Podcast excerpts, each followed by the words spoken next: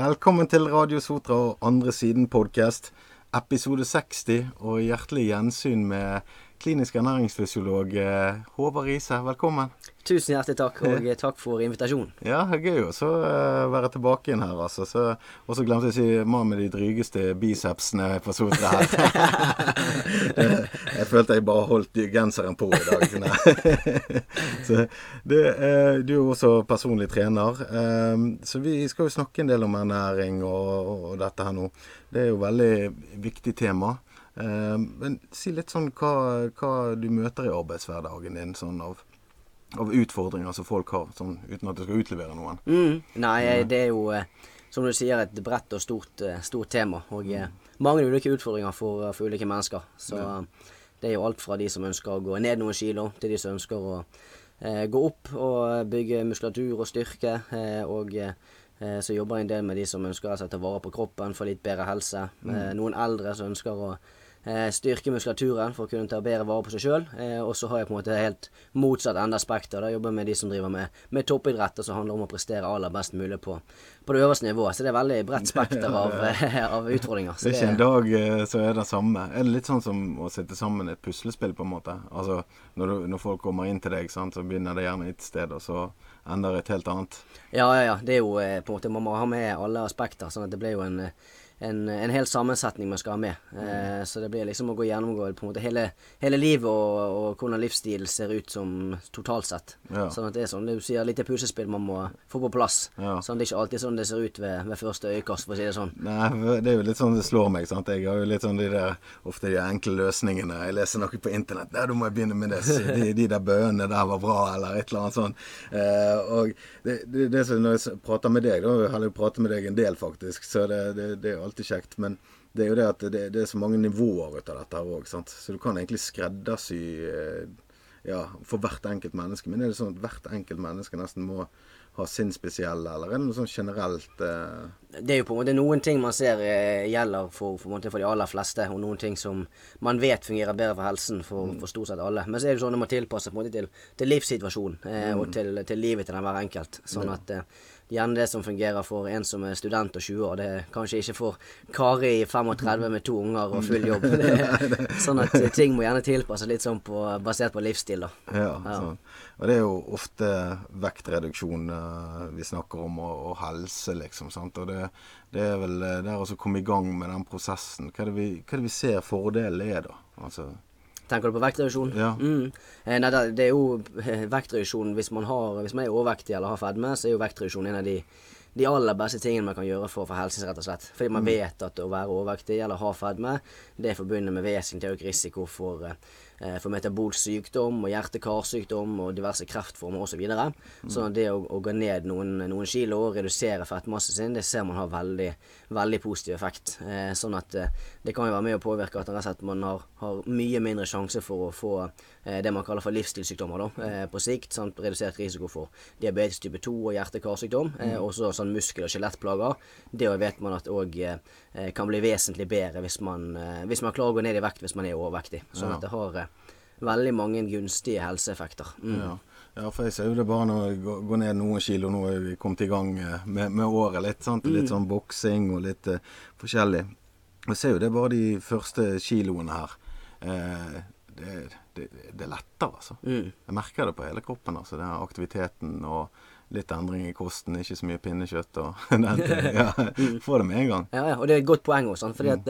Det er ikke så forferdelig mye skal til før det gir en veldig god effekt heller. Eh, mm. så vi ser det at eh, hvis man klarer å gå ned ca. 5% av kroppsvekten, hvis man er overvektig eller har fedme, mm. eh, så kan allerede da så ser man positive effekter på helsen. Da ser man at man kan få redusert blodtrykket sitt, få endret lipidprofil, så det man kaller for kolesterol. Mm. Eh, sånn at allerede med 5 vekttap, eh, som for en mann på 100 kg, betyr mm. at man klarer å gå ned til 95, som for ofte er kanskje overkommelig, at, eh, at, allerede da så skjer det en, en positiv endring. Sant? Så det kan jo være på en måte, som du sier, sant, eh, helt i starten òg. Det trenger ikke å være så mye skal til før man får litt positive effekter allerede. Så det er Nei, godt sant, og det kan være tungt å komme i gang òg, tenker jeg. Sant? Altså, det, mm.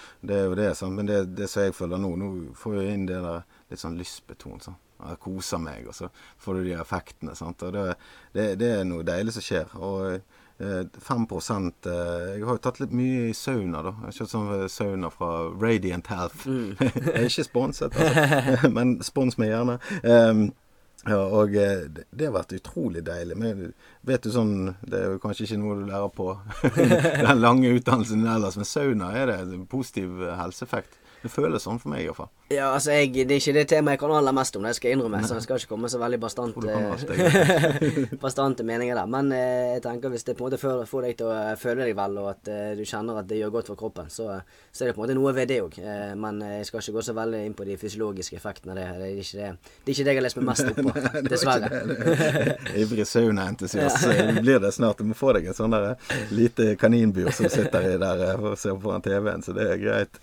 Eh, men det er jo komplekst, dette, og vi er jo inne på alle disse helsefordelene. sant, altså, eh, Men det er jo ikke alltid like lett, dette. sant, Av og til vil jo kroppen beholde litt vekt òg. Altså, det er jo liksom eh, ja, Algoritmen jobber jo gjerne mot oss i form av dette her med med maten. sant? Vi vil jo ha salt og sukker og mm. ja, de, de, dårlige tingene, da, i hermetegn. Mm. Ja, det er ofte det her med vektregulering. Det er ofte mer komplekst enn man gjerne skulle tro. Mm. Sånn at på en måte i teorien og på en måte det grunnleggende prinsippet om energibalanse, det er jo på en måte ganske enkelt. Det er jo litt sånn budsjett eh, med med inntak i forhold til forbruk. Sant? Og hvis inntaket er høyere enn forbruket, så går man opp i vekt, og, og vice mm. versa. da. Ja. Eh, sånn at selv om på en måte det grunnlaget er ganske enkelt i teorien, så er det på en måte mer komplekst enn som så. Og det er veldig mange ting som kan spille inn på disse ulike delene av ligningen. Sant? Det er mange faktorer som kan påvirke inntaket vårt sant? i forhold til eh, sult og metthet og appetitt og de tingene mm. der. Eh, og så er det veldig mange ting som kan forbruke, påvirke forbruket vårt. da. Ja. Sånn at Forbruket består jo av ulike deler, det òg. Eh, og det er mange faktorer som kan påvirke energiforbruket. Mm. Sånn det blir plutselig litt mer komplisert enn eh, en det er i teorien. da. Eh, så det gjør på en måte at det kan bli litt uh, utfordrende å gå ned i vekt, selv om på en måte man tenker at det er bare til å spise, spise mindre og trene mer, som uh, er en litt sånn kjip og altfor enkel forklaring på det. da. Ja, ja. ja for dette er jo Men det var litt sånn spennende det du sa med at i form av trening. Sant? Så hvis jeg hadde trent uh, og forbrent 400 kalorier, mm. så var det egentlig bare 200 kalorier jeg hadde fått. Ja, det er, liksom, det er jo på det, det vi kaller for en energikompensasjon, som kan forekomme. Sant? Det er en av disse her reguleringene som kroppen kan gjøre. Ja. For kroppen ønsker ofte å ta vare på rett og slett ta vare på, på vekten og på kroppen sin. Eh, fordi mm. at det er sånt eh, Med tiden så er det vi er skapt for å overleve. Eh, sånn mm. En av de tingene kroppen kan gjøre, det er rett og slett å, kompensere for, for, energiforbruket. Sånn at hvis man er i fysisk aktivitet, eh, og kroppen merker at nå har han mye mindre inntak enn han har forbruk, så kan kroppen begynne å redusere på det som vi kaller for basalmetabolismen, altså det grunnleggende forbruket, for å kompensere for det man bruker aktivitet. Mm. Sånn at hvis du sier da, hvis man har en treningsøkt der man forbruker 400 kalorier, da, eh, så kan kroppen på en måte i ekstreme tilfeller da eh, kompensere med å redusere basalmetabolisme med 200 kalorier. Så har man kun på en måte utbytte for 50% av den energien som er forbrukt under treningen. Mm. Eh, sånn at kroppen er på en måte smart laget og skapt for å overleve. Sånn at det har liksom sine teknikker og metoder for å eh, for å skru ned på forbruket når en merker at inntaket er utilstrekkelig over tid. Ja. Eh, så det er jo på en måte noen av de tingene man må overvinne òg hvis man skal klare å eh, redusere vekten over tid. Mm. Ja, det er jo ikke så mange som tenker på det. For jeg tenker nå, nå har jeg hatt en god økt, så nå har jeg brent så og så mye. Mm. Og så har jeg egentlig ikke det. Ja. Og, og, eh, det er veldig hensiktsmessig i naturen. da. Før mm. når vi var steinaldermennesker og gikk rundt, det var ikke lurt å slippe vekt. Nei. og da gikk jo man kanskje mer enn 10 000 skritt eh, per dag også, ja. så det, det, er noe der. I andre enden av skalaen så kjenner jeg en som konkurrerer i fitness. Mm. Og er liksom på siste innspurten, da. Eh, og da var det sånn Han hadde tatt og kuttet med én pose salt, da. For de er jo Altså, er jo, det, det høres jo helt forferdelig ut, spør meg, men det, det, er jo noen, mange som elsker dette. Sant? Og, eh, og da hadde han sluppet 3,8 kilo med en gang.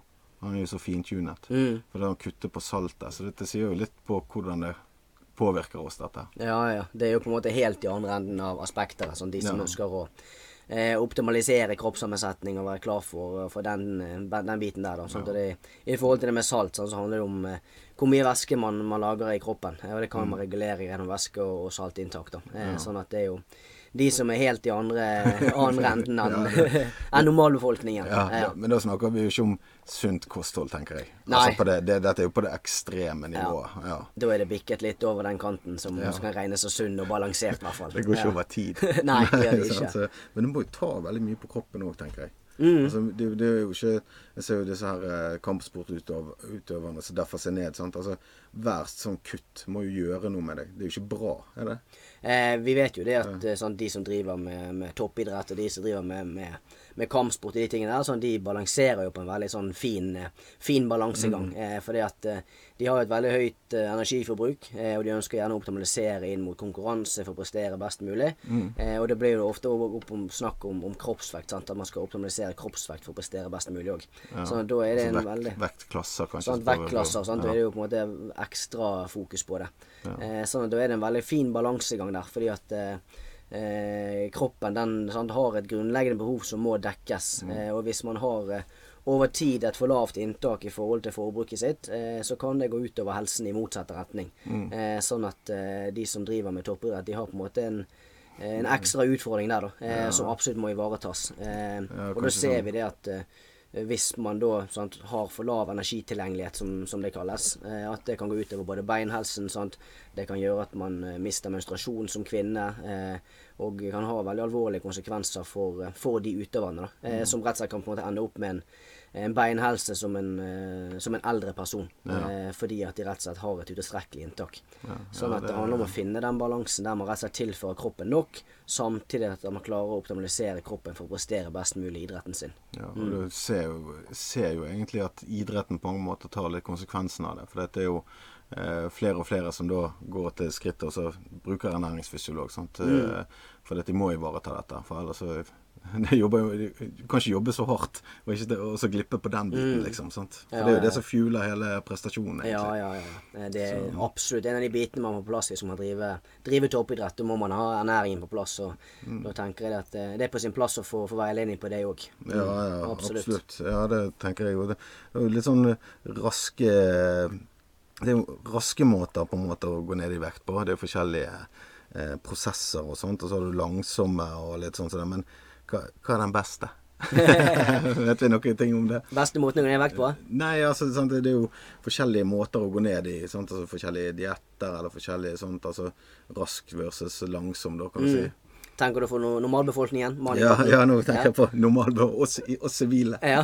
Vanlige folk er veldig populært å snakke om. Ja. Så dette, ja. Ja, nei, for, eh, for de vanlige folkene, det med, med langsom versus hurtig, da, så er det jo litt eh, på en måte varierende eh, resultater i forhold til det. Eh, så vi ser jo at hvis man, hvis man går raskt ned i vekt, altså man har et stort energiunderskudd, eh, så ser man da at man selvfølgelig taper fettmasse fortere, går fortere ned i vekt, og ofte også vil man gå ned mer i vekt da, enn hvis man går ned langsomt i vekt. Ja. Eh, sånn det er på en måte noen eh, positive effekter. Da. Eh, Og det kan jo gjøre for noen at de får rett og slett mer motivasjon når de ser at det faktisk skjer noe. Eh, og da har vi også sett at det er mange som, eh, som rett og slett lettere klarer å holde seg til dietten, og rett og slett fordi de ser at det gir gode resultater. Eh, og det er en så sterk motivasjon at de orker å, å fortsette. ja. Og så kanskje livskvalitet og sånn som dette Ja. At det blir veldig eh, ja, altså, Livet blir jo lettere, på en Ja, måte. ja. Sant? Det jo, men det er jo dette her som er, er det evige. Sant? Det er jo denne varige en- endringen. Mm. Sant? Både med kosthold og eh, fysisk aktivitet. Sant? Og der ser jo jeg at jeg sliter med det der sjøl. Ja, ja. Altså, du kan ha gode perioder, dårlige perioder. Og så er det dette her livet òg som Ja. skjer. Sant? Eh, og selv om jeg har gøye treninger, så er det ofte tid. Mm. Det, det, det sliter jeg rett og slett med. Sånn, for dette, og så blir det litt sånn pliktfølelse. Åh, enda en ting jeg må. Ja. Enda en ting jeg må. Mm. Ja, sant? Det, det, det kan være tungt av og til. Ja, ja. Nei, men samtidig òg i forhold til med vektnedgangen, da. Eh, Mm. Så er det jo sånn at hvis man går veldig fort ned i vekt, så har man òg større sjanse for å tape mye muskulatur og mye beinmasse. Ja, Så det er ikke bare positive sider ved det. Sånn at vi må med den, den biten. den må med, ja, ja. Sånn at eh, da er jo på en måte en, en langsom vektnedgang mer fornuftig. Eh, Mm. fordi at da tar man mer vare på muskulaturen, tar mer vare på, på beinmassen.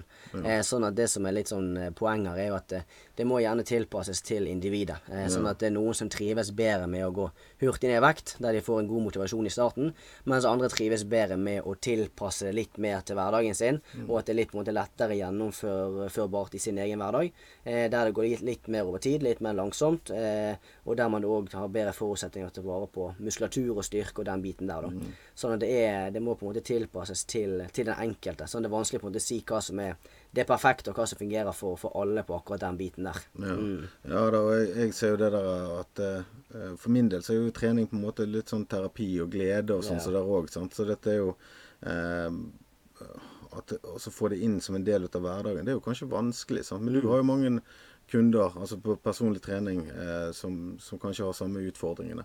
Og jeg ser jo det at kanskje det kunne vært en måte å mestre det på. For da har jeg en avtale med deg, da. Mm. Og du stiller jo, for dette ja. betaler jo. nei, ja. ja, nei, men altså få inn en profesjonell part. Eh, flere som bruker personlig trener på den måten?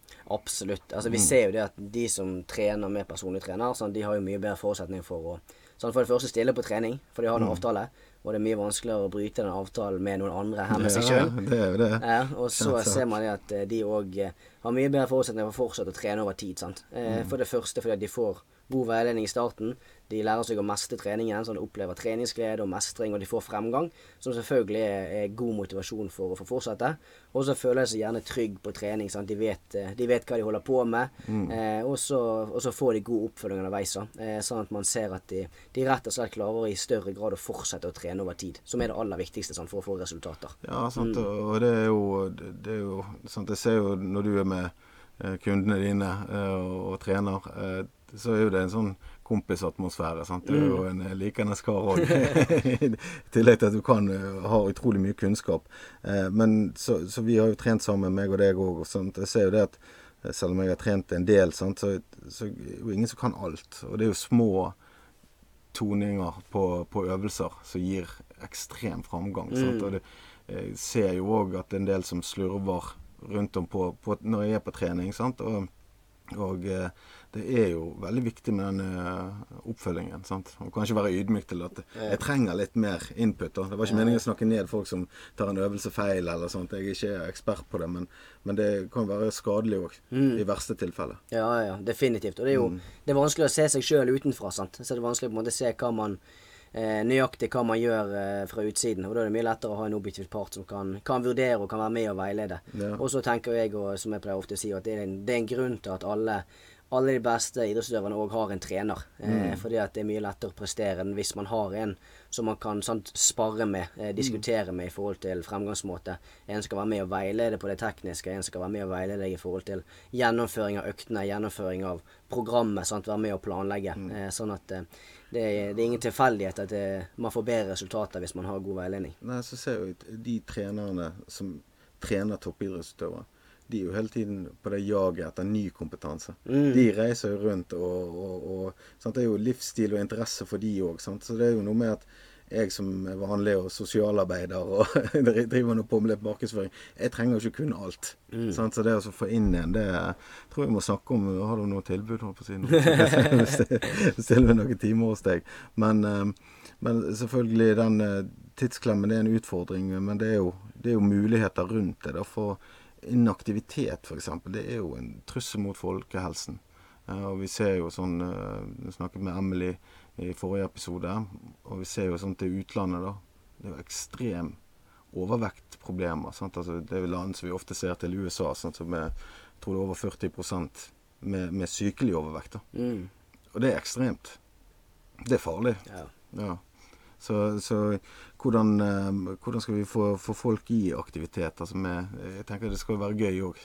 Definitivt. Jeg mm. tror det er som du sier, sånn, den treningsgleden å finne noe som man, som man, trives med og som man syns er kjekt å gjennomføre, det er, det er, en, det er en, forutsetning. Eh, mm. Eh, og det er jo sånn at på en måte den, den, treningen som man gidder å gjennomføre, selv om det ikke er på en måte er det perfekte, det er mm. mye bedre enn liksom, det perfekte programmet som man ikke gidder å gjøre. Ja. Sånn, det må være noe som er kjekt. Og det, som du sier, sånn, det skal være litt gøy å komme på trening og være mm. kjekt sånn, underveis hvis man har en treningsøkt. Ja. Eh, og så er det sånn som du sier med i forhold til det med, med tid, som ofte er en, eh, en, barriere for mange. At man ikke har tid i hverdagen til å trene. Så det er jo noe man kan tilrettelegge, og som man kan effektivisere rett og slett for å få for bedre utbytte av tiden sin og få bedre utbytte av, av treningsøktene. Ja, ja selvfølgelig. Det, men det er, jo ikke, er jo ikke ofte at noe, vi, trenger jo ikke, vi vanlige mennesker trenger jo ikke å trene som toppidrettsutøvere heller. Sant? Altså Turer altså Alt hjelper jo på.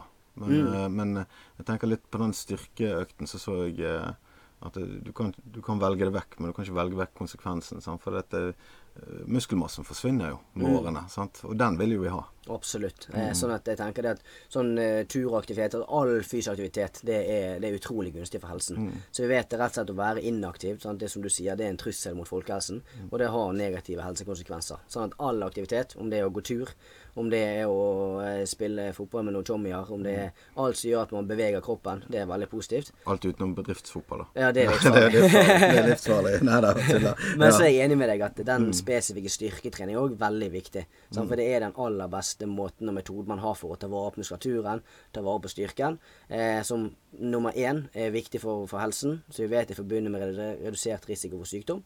Eh, og så gjør det selvfølgelig at man kan klare seg bedre i hverdagen. mm. rett og slett. Har man styrke, har man muskulatur, så har bedre forutsetning for å klare å gjennomføre hverdagslige gjøremål. Eh, og så ser vi at, eh, at den styrketreningen den er, den er helt essensiell. Så det er veldig enig viktig å få prioritert den. Ja. Men for folk som gjerne da ikke har trent styrke, kanskje har eh, fordommer mot dette her eh, med treningssenter, eller de har dårlige opplevelser. Sant? Altså det er mange det, sant? men jeg tenker da eh, hvor, hvor, hvor mange øvelser er det vi snakker om for å holde litt grann, altså en generell Hvis det er en som ikke har lyst til å gå, men tenker ok, jeg skulle investert 15 minutter, 20 minutter, kan jo gå ned i noen sånne grunnøvelser du tenker da eh, man kunne tatt. Mm, godt spørsmål. Altså, jeg tenker det at det, det er For litt sånn er bedre enn ingenting, Ja, tenker jeg. Ja. Mm. definitivt. Det, er nesten, det er nesten overraskende på en måte lite som skal til for å få fremgang. Spesielt hvis man er nybegynner og ikke har Mm. gjort noe. Så kan man få veldig, veldig god effekt av relativt lite arbeid, så lenge man på en måte gjør det skikkelig og med god kvalitet. Mm. Eh, så hvis man ikke har, eh, har så mye tid, eller ikke har så mye lyst, Mm. eh, så det eh, kan man få veldig mye gjort med type sånn ca. fem sett per muskelgruppe per uke. da. Mm. At man f.eks. har fem sett med, med en øvelse for brystmuskulaturen og fem sett for øvelse for, for lårmuskulaturen osv. Mm. Eh, det betyr gjerne at man eh, kan få gjort eh, ganske mye arbeid på relativt kort tid. Mm. Eh, sånn at det, det er ikke så mye skal til. Eh, men da vet man da, da må man gjøre det med god kvalitet eh, og, og gjerne ha litt høy intensitet. Det betyr man må ta litt i, rett og slett, Mm. for at man skal få effekt av disse her, eh, disse settene. Eh, og så ser man det òg at eh, det trenger ikke å være at alle øvelsene og øktene gjøres i i én og samme økt, men man kan dele det opp i flere små bolker òg. Det òg ser man har god effekt. Så kanskje det kan passe bedre inn i timeplanen, da. Ja, ja, eller hvis man bare vil komme i gang, sant, så vil jo man få den gode følelsen. Um, og jeg tenker spesielt e- eldre. Og du ser, sant, Jeg har jo jobbet på, på treningssenter sjøl. Vi har jobbet sammen. Nummer én Fitness Sotra for eh, tid tilbake. Det var der vi ble kjent. Um, og se de eldre som trener der, da. eh, de er veldig unge til sinns. Um, god livskvalitet, vil jeg tro. Eh, noen har utfordringer, eh, men de har smil. Eh, og de får et fellesskap og, og sosialt. sant? Og det er jo gjerne det man ser på hvis du tenker utenforskap, da. Så eldre i utenforskap. Eh, det er jo dessverre mange ut av de, men også kunne se til treningssenteret som en sosial arena og livskvalitet. Definitivt. Så det er jo liksom hele pakken der. Både Mm. med de effektene man får spesifikt av trening, men òg det man får liksom i hele settingen rundt. Ja. Med å treffe andre mennesker og være sosial osv. Ja. Eh, og når det gjelder på en måte spesifikt på trening, så ser man jo at de eldre som trener eh, styrketrening og som eh, får belastet muskulaturen, de har mye bedre forutsetninger for å ta vare på muskulaturen og for å klare seg bedre i hverdagen. Som er en utfordring når man er, når man er eldre. Ja, Når er det du begynner å eh, minske på en måte muskelmasse? Det begynner jo med 1 rundt sånn 6-37. Så man kan begynne å tape muskulatur allerede på en måte i, slutten av 30-årene. Men Mm. hvis man, da er jo liksom positive nyheten er jo at hvis man driver med god styrketrening, eh, så kan man eh, sånn, stoppe den utviklingen. Eller Mm. bremse den eh, betraktelig. Eh, sånn at det er jo det positive her. Eh, Sånn at det ikke sånn at det raser av gårde. Eh, fra starten av. Men hvis man driver med god styrketrening eh, sant, og har tilpasset ernæringen sin, Mm. eh, så kan man ta vare på muskulaturen i mye større grad. Så der ser man stor forskjell på de som trener god styrketrening over tid, og de som eh, ikke trener styrketrening i hele tatt. Med tanke på det å ivareta muskulaturen gjennom eh, på en måte voksenlivet. Ja, jeg tenker det er litt sånn Det er jo forskjell på eldre. Altså Hvis du ser på TV og sånn, så, det, sånn, så ser du gamle bilder. Og de som var gamle da, og de som er gamle nå. sant? Eh, og du ser jo de som trener og holder seg i form, altså 60-70-årene. altså de, de det ser bra ut. Mm. Altså Det ser skikkelig bra ut. sant? Altså Gjerne før så var det litt mer med, med holdning og litt sånn altså Du så at man sank sammen. For det er jo det som skjer med alderen. Det skjer med, kommer til å skje med deg òg, Håvard. Selv hvor ung og frisk du, du er. Eh, Men, men det er jo det at jeg tror vi kompenserer mer for det. Og det er jo en stor vinning i det òg. Det er jo kunne ha kvalitetstid med barnebarna på en annen måte. Altså, ja, for det, det verste Altså, Vi tar det ofte for gitt, den helsen vår. altså. Mm. Det er fort gjort. Plutselig så er det noe som skjer. Ja. Ja, Da står vi bedre rustet òg. Mm, ja, så er det jo sier, altså, måte, det er uendelig mange gode effekter å være i fysisk aktivitet og, og trene. Eh, Sånn at på en måte, det er mye man gjerne ikke tenker over òg, men liksom det er bare å mestre de tingene som du sier. Sant? Å kunne, kunne leke med barnebarn, eller det å klare å ta ut oppvaskmaskinen, eller det å klare å mm. sant? gå opp trappen. Sant? Hvis man eh, De tingene har man mye, mye bedre forutsetninger for hvis man eh, Ja, og eh, også hvis man får en skade eller sykdom, så vil jo du ha Med en optimal kropp, da, ut ifra dine forutsetninger og, og ønsker, så vil jo du ha et bedre utgangspunkt for å trene deg opp igjen etter fall eller forskjellig. Absolutt. Og det ser man jo også sant, eh, sånn når vi er inne på dette her med eldre. Sant? De som trener styrke, de har mye mindre risiko for å falle. Og hvis de først faller, så er de jo mindre risiko for, for, å- for bruddskader. Det er Eh, et godt poeng, det. Det, det har jeg ikke tenkt på. Men jeg hørte faktisk det at det, eh, det er så mange som skader seg på fall. Spesielt i hjem eller altså forskjellig. Sant? Og det er glatt ute. Og, og det er noe med beina våre. Sant? At de er mer skjør. Sant? Eh, Det er jo, det er annerledes å falle når du er 12 enn når du er 70. Sant? Det, sånn er det bare. Eh, Men hva er det som gjør dette? Nå har du masse erfaring, mange mennesker møter, masse kompetanse med deg. Men hva er det som eh, tenker du er vanskelig for å gjøre det vanskelig å komme i gang med å gjøre det riktige? Vi vet jo hva som er det riktige. Vi har gått på heimkunnskap. Vi vi har jo et visst peiling, da. Men hva tror du det er som gjør det så vanskelig? Eh, det som ofte gjør det vanskelig på en måte å gjøre de riktige tingene. Sånn, som du sier, så Ofte så har man eh, grunnleggende kunnskap og vet på en måte Ja, man burde trent. Man burde ha spist sunnere. Sant? Men eh, det, det er Jeg vanskelig. sier det hele tiden. Ja, sant. Men det er vanskelig å gjennomføre det. Eh, sant? Mm. det, første først er vi litt inne på sånn det som går på, på psykologi, eh, og den, den eh, utføringen med å gjøre en, en endring. Eh, og så er det jo òg et større og mer komplekst bilde i forhold til sant, det sosiale livet og samfunnet sånn som det fungerer i dag, eh, som byr på stadige utfordringer. Sant? Vi har jo et uendelig utvalg av, eh, av matvarer og lettvinte løsninger når det gjelder eh, å unngå fysisk aktivitet. Sant? Man har liksom mm. nå er disse her berømte elsparkesyklene og, og diverse. Sant? Du, kan, du kan komme deg fra, fra A til Å uten å bevege en muskel, nesten. Sant? Sånn at eh, det er et veldig sånn komplekst bilde som gjør det vanskeligere å, eh, å gjøre disse tingene eh, selv om man gjerne vet eh, at man burde, og kanskje til og med hva man burde gjøre. Mm. men det er mange ting som eh, spiller inn på den der eh, vanskeligheten for å endre seg, da. Ja, ja da, jeg jobber jo mye med endring. Mm. Som du vet, er en annen målgruppe, holdt på å si, hvis jeg kaller det. Men eh, eh, så jeg vet jo hva som ligger der. Det kan ligge skam, og det kan ligge eh, ja, andre ting man dekker over. Sant? Men jeg, jeg tror jo litt på det der at det, det jobber litt imot oss eh, i form av eh, utvalg. Og, og eh, lettvinte løsninger, som du sier. Sant? Eh, Ref. Fjordland og sånn. Ja, Fjordland, jeg har spist mye Fjordland. jeg. Det, det, det er godt, men det er en veldig lettvint løsning som kanskje ikke er så eh, bra over tid som hvis man hadde lagd maten fra bunnen av mm. sjøl. Og det, eh, det tar jo gjerne ikke så mye lengre tid. Men eh, ser vi kanskje et klasseskille i matveien? For når jeg går på butikken nå, så begynner det å bli forferdelig dyrt med den maten. Spesielt med altså sunne, rene produkter. De produktene som jeg vet, og jeg har snakket med deg om, det funker, de er ofte priset høyere sant? enn f.eks. Ja, mer usunne alternativer. Da tenker jeg pølser og ja. Mm. Ja, det er jo si, dessverre sånn at eh, det her med matvarepriser og sånn, det styrer jo valgene til veldig mange. Eh, naturlig nok, fordi man skal få ting til å gå rundt.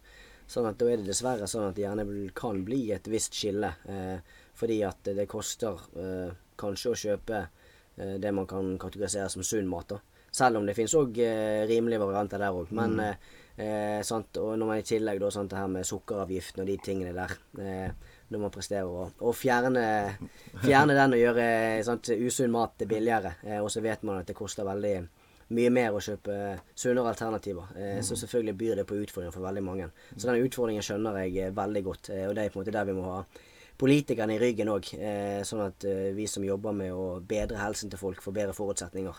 Ja. Eh, sånn for du som sier, Det er jo med, i stor grad med å styre valgene til veldig mange. Ja, og jeg tenker det er sånn de positive bieffektene av hvis man hadde Si noe da, hvis- det da de, de sukkeravgiftene da, eller hva det, hadde økt de på de usunne, så vi visste vi ikke trengte så mye ut av, da. Si brus. Eh, full i sukker. sant? eh, hvis du heller kunne brukt de til å kompensere for den billige maten, så hadde det kanskje vært mer forståelse for det. For jeg hadde iallfall ikke hatt eh, problemer med å betale mer for noe jeg ikke trengte. Eh, I form av eh, hvis det hadde vært billigere grønnsaker og billigere rene produkter. Og jeg tenker jo helsesektoren ville jo spart veldig mye. Sånn ut ifra statistikker og sånn som du forteller om. sant? Så, så vi hadde jo tjent inn på andre siden der. Ja, dessverre. Ja.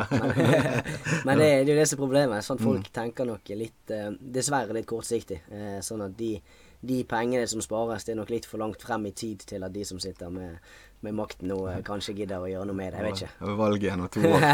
Ikke ta Coca-Colaen min. Så eh, nei da, men det, det er nå ikke for, oss å det, det er en liten sånn synsing. da, sant? Jeg hadde jo håpet at det, det, var der vi kunne gjort litt. da.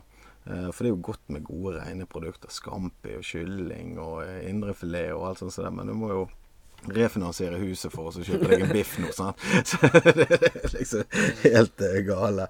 Eh, Men eh, ser vi noe på, i matveien angående levealder? Altså hvis du spiser eh, ren mat, altså litt sånn klasseskille, sånn som vi snakket om eh, de som har råd til ren og god, sunn mat, eh, kontra de som ikke har eh, råd til det og spiser veldig mye ja, mindre hellige produkter. da. Mm. Så vi vet jo det at ernæringen har veldig mye å si for, for helsen. Sant? Og at, at det er en del ting innenfor for ernæring og kosthold som er med å eh, påvirke risikoen for sykdom og tidlig død osv. Mm. Men det er jo litt av utfordringen med ernæring og ernæringsforskning. Så det er vanskelig å forske på akkurat de tingene der. Sant? For det, det krever jo veldig mye tid og veldig mye kontroll for, for å se på en måte disse effektene. Da. Men man vet jo det på en måte å ha et eh, et næringsrikt kosthold som er i, ganske i tråd med, med kostrådene som vi har i dag, eh, at det vil være veldig gunstig for helsen.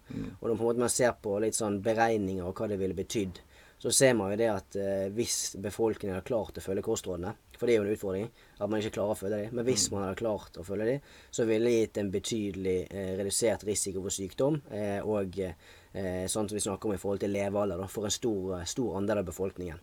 Eh, sånn at eh, absolutt at ernæring kan ha en påvirkning på både, både sykdom og, og risiko for, for død. Det, er det liten tvil om. Mm. Jeg tenker jo dette for de som lytter der ute, eller sånn forskjellig med Det er jo uendelig mange folkehelseprosjekter man kan sette i gang innenfor dette her. Sant? For ernæring er jo så, så viktig. Jeg tenker på, på ungdom som gjerne sitter inne. eh, Altså gaming. Jeg skjønner at de gamer, det er jo kjempegøy. det. Sikkert, jeg tør ikke prøve engang, for jeg blir bare sittende der. Eh, Men det gjør jo noe med de også. Sant? Så hvordan skal du nå den gruppen? Det jo, kommer mange ungdommer til deg, for å si det sånn. Eh, Med, med den problem, problemstillingen. For det er jo akkurat så kroppen deres blir eldre av å sitte i ro hjemme. Sant? Og så skal du game, så må du holde deg i form hvis du skal eh, på, på et eller annet vis. Sant? Ellers så forvitrer man nesten. Sant? Ja, ja. Altså det jeg tenker er, eh, kan være en, på en, måte, en positiv greie, er jo at eh, hvis man får ungdommen i aktivitet, så vil man på en måte ha en befolkning eh, om x antall år sant, som er, i mer aktivitet. Litt sånn motsatt av den utviklingen som man har nå. Eh, Så hvis man allerede fra ungdommene klarer å på en måte innarbeide gode rutiner på det som går på, på trening og aktivitet og de tingene der, eh, så har man jo veldig gode forutsetninger for eh, når de blir voksne og skal fortsette å, å holde seg fysisk aktiv. Så jeg, jeg tror det er veldig viktig på en måte å, å, å favne ungdommen her eh, og sette inn tiltak for å hjelpe, for å hjelpe den målgruppen. Mer eh, gym i skolen, lystbetont, tenker jeg. Mer lek. Har hadde jo ikke vært dumt. Og, og iallfall fokus på skolekjøkken. Mm, ja, jeg tror det, Det tror jeg er litt sånn nedprioritert, ikke? Eller hva, er det, hva sier du? Har du noe Jeg, jeg det? Jeg skal ikke sitte på så mye eh, inside information på akkurat skole, Mm. hvordan det fungerer, da. men jeg er absolutt eh, enig i at, eh, at det er to områder som kan ha veldig god effekt. Eh, sant? Det å tilrettelegge for aktivitet i skolen, som utgjør en stor del av dagen til, til barn og unge. Mm. Eh, og tilrettelegge for de å være fysisk aktiv. Og, og gjerne lære dem om fysisk aktivitet. Sant? Hvorfor er det viktig, hva kan være lurt å gjøre. Og det samme med, med skolekjøkkenet, sant? eh, mat og helse, eller hva de det kaller det i dag. Men, eh, og det å faktisk lære unge mennesker å lage sunn og næringsrik mat, og lære de å behandle råvarer, sånn at når de da skal begynne å lage mat på egen hånd, at de, at de har kontroll på de tingene og faktisk har forutsetninger for å gjøre det. Eh, så det er jo, det er jo- helt essensielt skal man klare å gjennomføre det i praksis. Ja, og jeg tror at det, det er fokus på det, men jeg, jeg vet ikke om det er nok med produkter. Sant? Altså økonomien i, i det. Sant? Man har gjerne Altså, jeg husker noe, hva jeg husker da? Bakte scones. Jeg vet ikke hva jeg lærte ut av det. Men nå var jo jeg på, på, på skole på 80-tallet, så dette, det, eh, det har jo sikkert gått mye fremover. Og det er ikke noe sånn diss på lærere, men jeg tenker kanskje at eh, de som styrer da, kanskje vi kunne hatt litt mer fokus på de tingene òg. Og gi den kunnskapen som du og flere sitter på, sant, videre. Eh, Så det, det hadde vært spennende å også fått ut i praksis. Sant? Ja, ja. ja altså jeg, jeg vet jo det at lærerne gjør en, en knallgod og, veldig viktig innsats. Eh, men eh, jeg tenker det at eh, på en måte det å fokusere på de områdene der òg er veldig viktig for å eh, legge til rette for en god folkehelse i fremtiden. Eh, og så vet jeg ikke helt hvordan det fungerer i praksis i dag. Men Nei, eh, det- at det er gode det- muligheter, det er i hvert fall sikkert. Vi sitter og snakker litt ut av eget hode. Heimkunnskapen er jo Men, men eh, jeg vet jo det at eh, jeg har jo vært eh, ja, pårørende i form av tarmkreft. Um, og der var liksom en lege som uttalte dette med prosessert mat. Og hva er egentlig prosessert mat, sånn teknisk sett? Mm, eh, sånn, sånn kort forklart så handler det jo på en måte hvordan disse her råvarene er bearbeidet. Sånn at på en måte jo, jo lengre unna man er den naturlige råvaren, så jo lenger unna man er eh, dyret eller eh, jorden, eh, Mm. jo, på en måte, jo mer prosessert er det.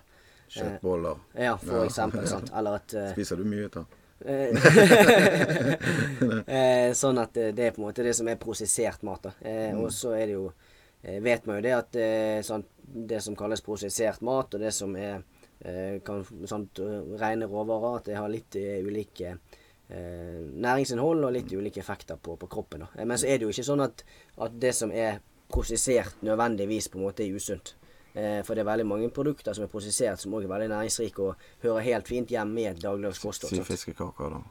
Som er 80 av det. Sånn, det kan jo være et alternativ. Sant? ja. Men f.eks. at man har sånt, meieriprodukter. eh, Mm. At man har eh, brød, at man har sant, fullkornsprodukter. Sånne type ting er jo prosesserte matvarer, men som, som helt fint kan høre hjemme i et, et eh, vanlig kosthold. Mm. Eh, sånn at, eh, men eh, i denne prosesserte kategorien sant, så er det jo òg flere av, eh, av matvarer som gjerne ikke bør utgjøre en så stor del av det daglige kostholdet. Mm. Nei da, det, Når vi er på tarmkrefttoppen i, i verden, så er det kanskje et tegn på at uh, disse tingene her uh, ja, skulle vi vært mer bevisst på. Mm. Og kanskje uh, ja, sett litt mer på om vi skulle innta så mye ut av, egentlig. Mm, ja, altså det, Vi vet jo det at sånt kosthold kan være med å påvirke akkurat risikoen for, for den type sykdommer. Så det er jo ikke tvil om. Sånn at det er jo litt sånn eh, I mange tilfeller eh, så er det jo på en måte fornuftig å innta matvarer som er på en måte lik, så lik som opprinnelsen som mulig. Ja. Eh, det er ofte en, eh, et godt tegn, eh, holdt jeg på å si. Uten at det gjelder alltid, men det er i hvert fall en, en, en sånn grei huskeregel. Huskeregel. Ja, ja. Um, og så har du disse her med, med dietter og sånn som dette. Sant? Det, er jo, det er jo et hav. Mm. Det jo, du kan finne hvilken som helst diett. jeg har sett en, eh, på et par av de podkastene som jeg hører på, det er veldig mye fokus på å spise bare kjøtt. Altså det er bare sånn carni carnivore eller Mm. Ja. noe sånt. Så jeg skjønner jo på poenget deres at vi er Hvis vi da er disse her eh, rovdyrene og vi bare spiste kjøtt og, og sånt og de, de, de framsnakker jo det veldig, da. Men eh, det høres jo ikke helt sunt ut. Jeg er enig med deg. Eh, det er jo en av disse her som har vært veldig sånn i vinden. Og det er jo det som er dietter. Det svinger veldig. Og det er, liksom, og det er noe som kommer i vinden og frem i lyset. da. Men det her carnivore-dietten er kanskje en av, de, en av de verre, holdt jeg på å si. Ja, og så eh, en person der eh, spiste bare lam. Mm. Det var sånn, du må bli lei av Ja, det må ikke, bli. ikke variasjon i kjøttet engang heller. Sånn. Sant. Eh, Og det er jo sånn når man utelukker så forferdelig mange matvaregrupper, så er det veldig mange næringsstoffer man går glipp av. Så Mm. Hvis man kun spiser kjøtt, så er det veldig mange næringsstoffer fra planteriket som man går glipp av i det kostholdet. Eh, Mm. Sånn at man har stor sjanse for å utvikle mangeltilstander. Eh, Sånn at det er absolutt et kosthold som jeg eh, ikke vil anbefale. Eh, Så det er liksom det er disse her trendene som mange hiver seg på, da. Eh, som ja. Ja, det, det må jo være en belastning for kroppen å bare få det. sant? Fordi Mm. at vi det er jo litt forskning bak dette du holder på med. Da, ikke det? Ikke, det, det er litt grann som prøving og feiling. Så jeg, jeg tenker jo det meste i livet handler om en balanse, da. Og den, den er alltid ofte vanskelig å finne. Eh, men tenk tenker sånn fasting, f.eks. Noen som ikke spiser 16 timer, og så spiser de 8 timer, og så Ja, eller de, de, hva var det, den 2-5, hadde ikke det? To Ja. dager med fasting og fem dager med spising. Eh, Hvordan er det? Eh, Det jo- er jo en sånn litt sånn her eh, som har vært litt i vinden og litt Mm. sånn populær, da. Eh, Og når man tenker på faste, så er det jo ofte i forbindelse med, med vektreduksjon at den trekkes fram. Mm. Eh, og liksom konseptet og hensikten der er jo rett og slett på en måte at man gir seg et, vind, et mindre tidsrom man kan spise i. Ja. Eh, og som da for noen gjør at man rett og slett ikke orker å spise så mye på den tiden. Mm. Eh, sånn at eh, det handler rett og slett bare om at man tilrettelegger for å havne i dette energiunderskuddet, som er essensielt uansett. Mm. Sånn, det er ikke noe sånn magisk med, med fasten i forhold til det med vektreduksjon, men eh, for noen så kan det fungere. Eh, rett og slett fordi de opplever at eh, når de på en måte avgrenser tiden, så er det lettere å innta et passelig mengde. Mm. Eh, også for noen også så kan det rett og slett gjøre at de opplever at eh, sultfølelsen ikke blir så stor. Mm. Eh, også sånn praktisk sett, hvis man har en jobb som er veldig hektisk. At man rett og slett da, eh, Hvis man slipper å spise mens man er på jobb, f.eks. Mm. At det er lettere å praktisk gjennomføre. Eh, så kan det fungere i Det praksis. ble vanskelig å ha med å gjøre etter lunsj. Ja, men, det, men det er jo forskjellig. Men det, det høres jo veldig eh, slitsomt ut. Da. Og um, jeg har jo ikke noen forutsetninger for å si det, men jeg, på seg sjøl kjenner jeg gjerne andre. Og jeg, jeg tenker at over en periode så ville jo det fungert. Men så skal du på ferie med hele familien, og så skal du dit. Altså det er vanskelig Det høres vanskelig, komplisert ut. Da. Ja, det er mye logistikk her. Mm. Ja. Ja. med tid og ja. Mm, og det er jo ofte en utfordring. sant? Det er det her vi, Når vi er på inne med dette her med å, å gjøre varige endringer, sant? så er det å liksom finne de tingene som man klarer å gjennomføre Mm. eh, hver eneste dag og over lang tid. Eh, Sånn at må man liksom finne den løsningen som man klarer å putte inn i sin egen hverdag og sin egen eh, logistikk. Mm. Og så har jeg hørt noe om det, der når du snakker om sult. Eh, For det Da var jeg på noe i forbindelse med spiseforstyrrelser og, og skulle lære litt om det. Eh, Og at det da utvinner et eller annet hormon på en måte etter hvert som du er sulten, som gir en nesten sånn godfølelse, da. Mm. Som folk som da ikke spiser. eh, Det er på en måte for- at de klarer å holde seg uten å spise, da. For Det blir nesten en sånn avhengighet for det, det hormonet som slipper noe. Er det noe du vet noe om? Eh, Det skjer jo veldig mye i, i kroppen på en måte i en, i en sånn prosess. da. Eh, og vi har jo flere hormoner som regulerer både eh, sult og metthetsfølelse, eh, som, som vil bli påvirket med, sånt, med et lavt inntak som de personene gjerne har. da. Eh, og så i en, i en sånn situasjon så han, handler det jo ofte òg om på en måte denne følelsen av kontroll. Mm. for veldig mange, da. Uten at Ja. det her er mitt sånn spesialfelt. Eh. Men eh, det er liksom eh, ofte den her kontrollfølelsen og liksom det å ha noe å ha kontroll over. Eh, Og det er, jo det, det er jo det på en måte som er, som er utfordringen òg, for det stjeler jo mye av, eh, mye av hverdagen og mye av livet, dessverre. Ja, det er jo forferdelig sykdom. Og det, er- jo spot on i forhold til det jeg sa på seminarene med, Ja. med kontroll. sant? Jeg må ha noe jeg kan kontrollere, for alt annet er rot. sant? Eh, Så dette er forferdelig komplekst. Og det eh, får veldig vondt ut av de som da eh, har spiseforstyrrelser på en eller annen måte, eller ikke klarer å legge på seg. sant? For det er jo litt sånn Å ja, du klager på det. Altså Det er nesten litt sånn stigma der òg. Ja, Eh, så, men hvordan går du i gang med en sånn prosess at du skal ligge på deg, da? Eh, For de som ikke Jeg har ikke det problemet. Det, men eh, ja. Mm. Eh, nei, så det, er jo, det er jo mange som ønsker det òg, eh, og av mange gode grunner. Eh, og der er det her prinsippet om energibalanse ligger jo igjen i grunn. sant? Da er man avhengig av å innta rett og slett mer energi enn man klarer å forbruke. Eh, og det finnes jo flere metoder for, for å gjøre det. sant? Og det er jo sånt avhengig styrke eller det er jo en veldig god, Ja. en veldig god greie å gjøre samtidig, sant, for å bygge muskulatur samtidig. Jeg vil også anbefale det som, et, eh, Ja. som uh, i tillegg, sant, for det styrketrening har masse gode effekter i seg sjøl òg. Mm. Eh, og det kommer liksom an på hva som er utfordringen til personen. Sant? Om det er på en måte at de er, eh, har lite matlyst, eller at de blir fort mett, eller at det liksom er rutiner i hverdagen. Sant? Så han liksom å kartlegge hva som er situasjonen her, og hvor, mm. hvor utfordringen er, før man kan sette inn på en måte løsningene på de riktige plassene. Ja. Eh, sånn at for noen så handler det rett og slett om at, eh, at de ikke spiser eh, ofte nok, og at de ikke setter av nok tid til å spise. Og at resten går på rutine. Mens noen opplever at de blir veldig fort mett. Ja. At man da må velge løsninger som er mer næringstette og mer energi, energitette, sånn at volumet ikke blir så stort. Ja. Eh, og det her er reelle utfordringer for, for Ja, ja det, det vet jeg, og det kjenner jeg folk som òg har de, de utfordringene der. Og det, det er veldig tungt.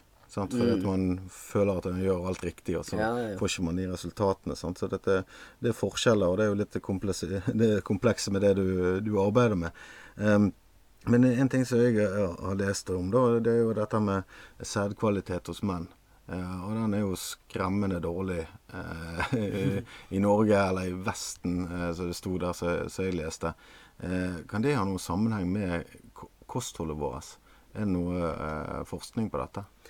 Eh, Det her er jo heller ikke mitt sånn spesialfelt, så jeg skal ikke gå altfor mye i dybden. da. Men eh, jeg tenker jo i hvert fall det at eh, så mye annet, så tenker jeg at livsstil og ernæring og, og fysisk aktivitet og disse tingene absolutt kan påvirke, påvirke det òg, eh, vil jeg tro, da. Uten at jeg vet altfor mye om det. Eh, Sånn at jeg tipper jo det at eh, på en måte livssituasjonen og totalbildet der vil være med å påvirke hvordan kroppen fungerer som helhet. Ja. Mm. ja, så vet jeg eh, folk som har eh, slitt med overvekt, Mm. som har gått ned i vekt, og så klart å, å få barn, da. Mm. Eh, Så det er jo noe inni der, da. Ja, ja, Altså at det, det skjer noe Ja, det skal ikke utelukke iallfall det. Nei, nei, nei. Så, um, men jeg tenker sånn Påvirker maten altså Nå var vi litt inne på hormonene. Påvirker de hormonene våre? Eh, på mange måter. Eh, Mm. sant? Det er jo veldig mange eh, hormoner som eh, har tett eh, tilknytning til ulike næringsstoffer. Eh, Mm. og, sant? Når man spiser mat, så er det mange hormoner i sving bare der. Ja. Sånn at det er veldig en sånn tett samspill mellom, mellom inntak og, og kosthold og, og hormonsystemet. Det er det ingen tvil om. Eh, og det er jo til og med noen sånne næringsstoffer som er forløpere for ulike hormoner osv. Eh, sånn at det er absolutt en, en connection der. Ja, mm. vi vet jo at de påvirker altså hormonsystemet vårt, og det påvirker jo eller hormonbalansen, er det det vi kaller det? Jeg vet ikke. jeg. Er jo så fagmann her.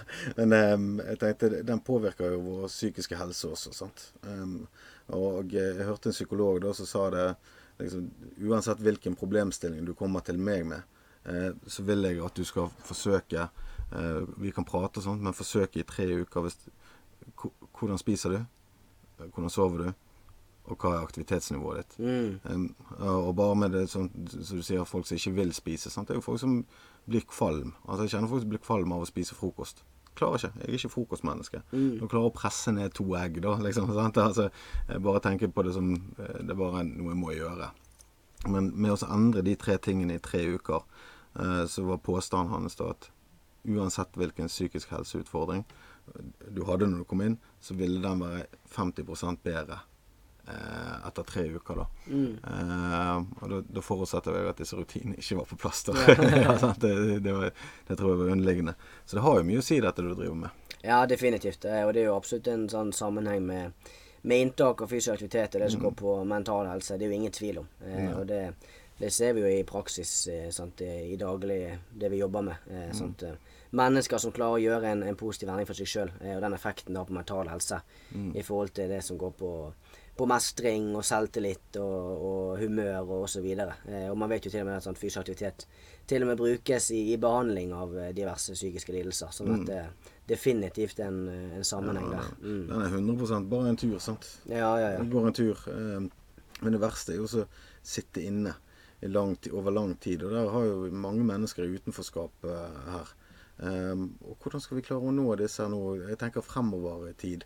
Så blir vi enda mer digitalt. Nå skal vi snart få videobriller og inn i Metaverse. til han er Zuckerbergen på Facebook der. Og, og jeg sett de begynte så med den reklamen til Posten sant, med disse dronene som kommer hjem. Sant? Du får gjerne takeaway med droner hjem. Ja, altså vi ler, vi. Men jeg, jeg hadde sånn her telefon som vi måtte taste på. som var plugget i veggen da jeg var liten, liksom. Så vi kom til stykket. Eh, hvor vanskelig blir dette her? Med, med, altså, det, er jo, det er jo noen hindringer her, da, med digitalisering. Eh, ja, definitivt. Og så er jo sånn utfordringen sånn som den er i dag, det er jo liksom å nå ut ofte til de som trenger det kanskje aller mest. Eh, som gjerne er en stor utfordring. Eh, og der på en måte barri- barrieren er størst. Eh, og vi ser det på en måte sånn i dag, litt sånn utvikling at de som de som trener allerede, de trener mer, mens de som er inaktive, sånn, de er fortsatt eh, inaktive og kanskje enda mer enn før. Ja. Eh, dessverre. Sånn at det skillet blir jo eh, er fortsatt stort. Eh, sånn at det å nå ut til de som trenger det aller mest, og som har mest behov for å, for å være i fysisk aktivitet og få, få bedre kosthold og rutiner, mm. det er en stor utfordring. Eh, og eh, det er liksom vanskelig å si hvordan man skal eh, løse den situasjonen òg. Jeg tror det er mange nivåer der. Eh, Ja. Både sånn på, på enkeltindivid, men òg sånn samfunnsnivå. Hvordan man skal klare å nå ut til, eh, til disse menneskene. Ja, for det er litt sånn Hvem vil vi være? Mm. Sant? Og vi har jo egentlig sånn kultur for aktivitet og skiturer og fjellturer og litt sånn. Det er en veldig god identitet å ha, tenker jeg.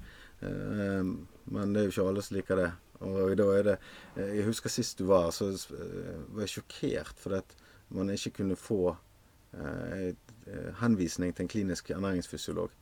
Eh, det var veldig rart for meg. Mm. når jeg vet eh, Jeg vet jo hva du driver med, og det, det, det er jo altfor mye for å gå gjennom på en liten time.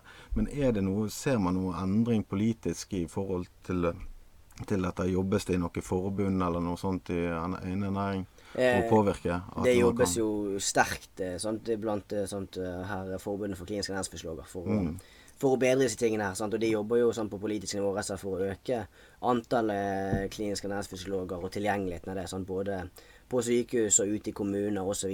Sånn at det skal være mer tilgjengelig. Fordi Mm. man vet, vet effekten av det, eh, og man vet viktigheten av det. Sant? Mm. Man ser det at eh, eh, sånn graden av underernærte eh? Mm. blant eldre og syke, den er stor. Graden av overvekt øker blant normalbefolkningen. Eh, spiseforstyrrelser har eksplodert de siste årene.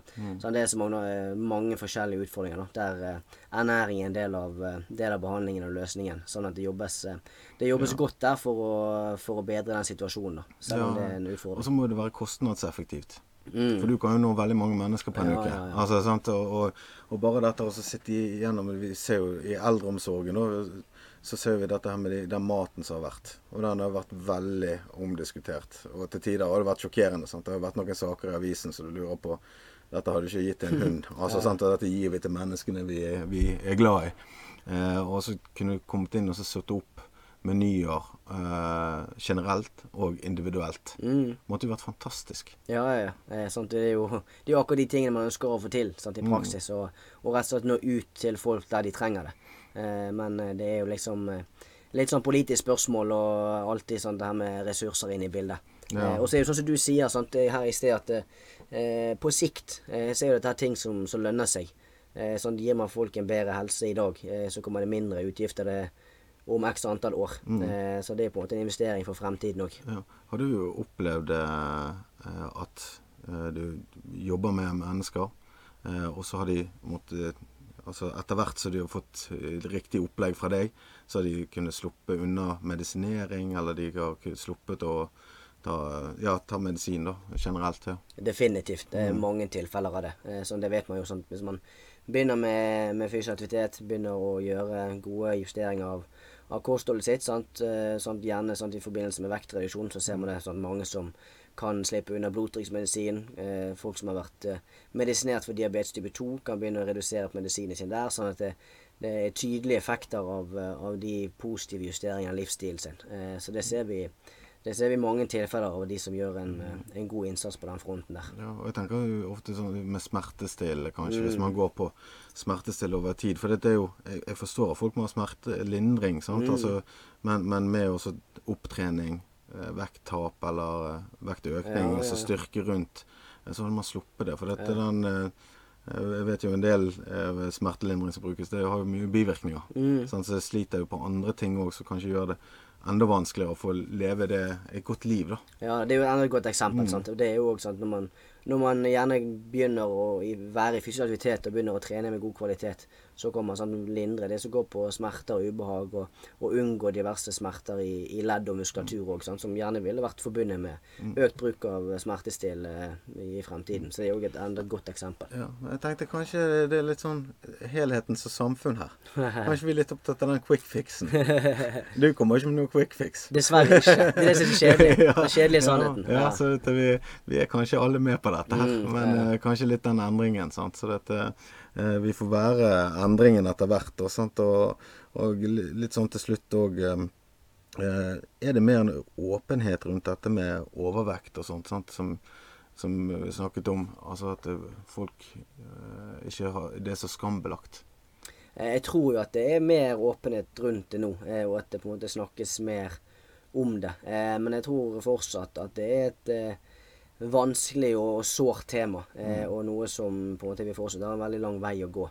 eh, for å bli, bli mye bedre på som, som samfunn og som individer. Eh, og det er som sånn, Man vet ofte ikke hva som ligger bak eh, før man er godt kjent med en person. Sånn at eh, man skal være forsiktig med å dømme for tidlig sant, når, det gjelder, når det gjelder mennesker med ulike utfordringer. Eh, så det tror jeg er en, en viktig tanke å ha. Så det, jeg tror, Mye vondt der. ja, så jeg tror vi har en, fortsatt en god vei å gå. Sant? Og det som går på i dag med, med sosiale medier og, eh, og medier og de som de her med, med kroppsbilder og de tingene der, så tror jeg fortsatt vi har eh, et stykke vei foran oss før liksom det er, er nok åpenhet og liksom fjerne det her som går på, på skam og ubehag rundt de tingene der. Sant? Sånn som vi igjen vi kan nå ut til de som faktisk trenger det aller mest. Vi må heie på hverandre. Ja. Og heldigvis så er jo du her. Og du er en del av endringen. Og eh, utrolig hyggelig mann. Og eh, glad for å få en ny prat med deg, Håvard.